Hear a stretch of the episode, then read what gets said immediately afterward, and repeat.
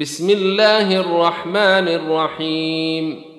اقرأ باسم ربك الذي خلق. خلق الإنسان من علق. اقرأ وربك الأكرم الذي علم بالقلم. علم الإنسان ما لم يعلم. كلا إن الإنسان ليطغى.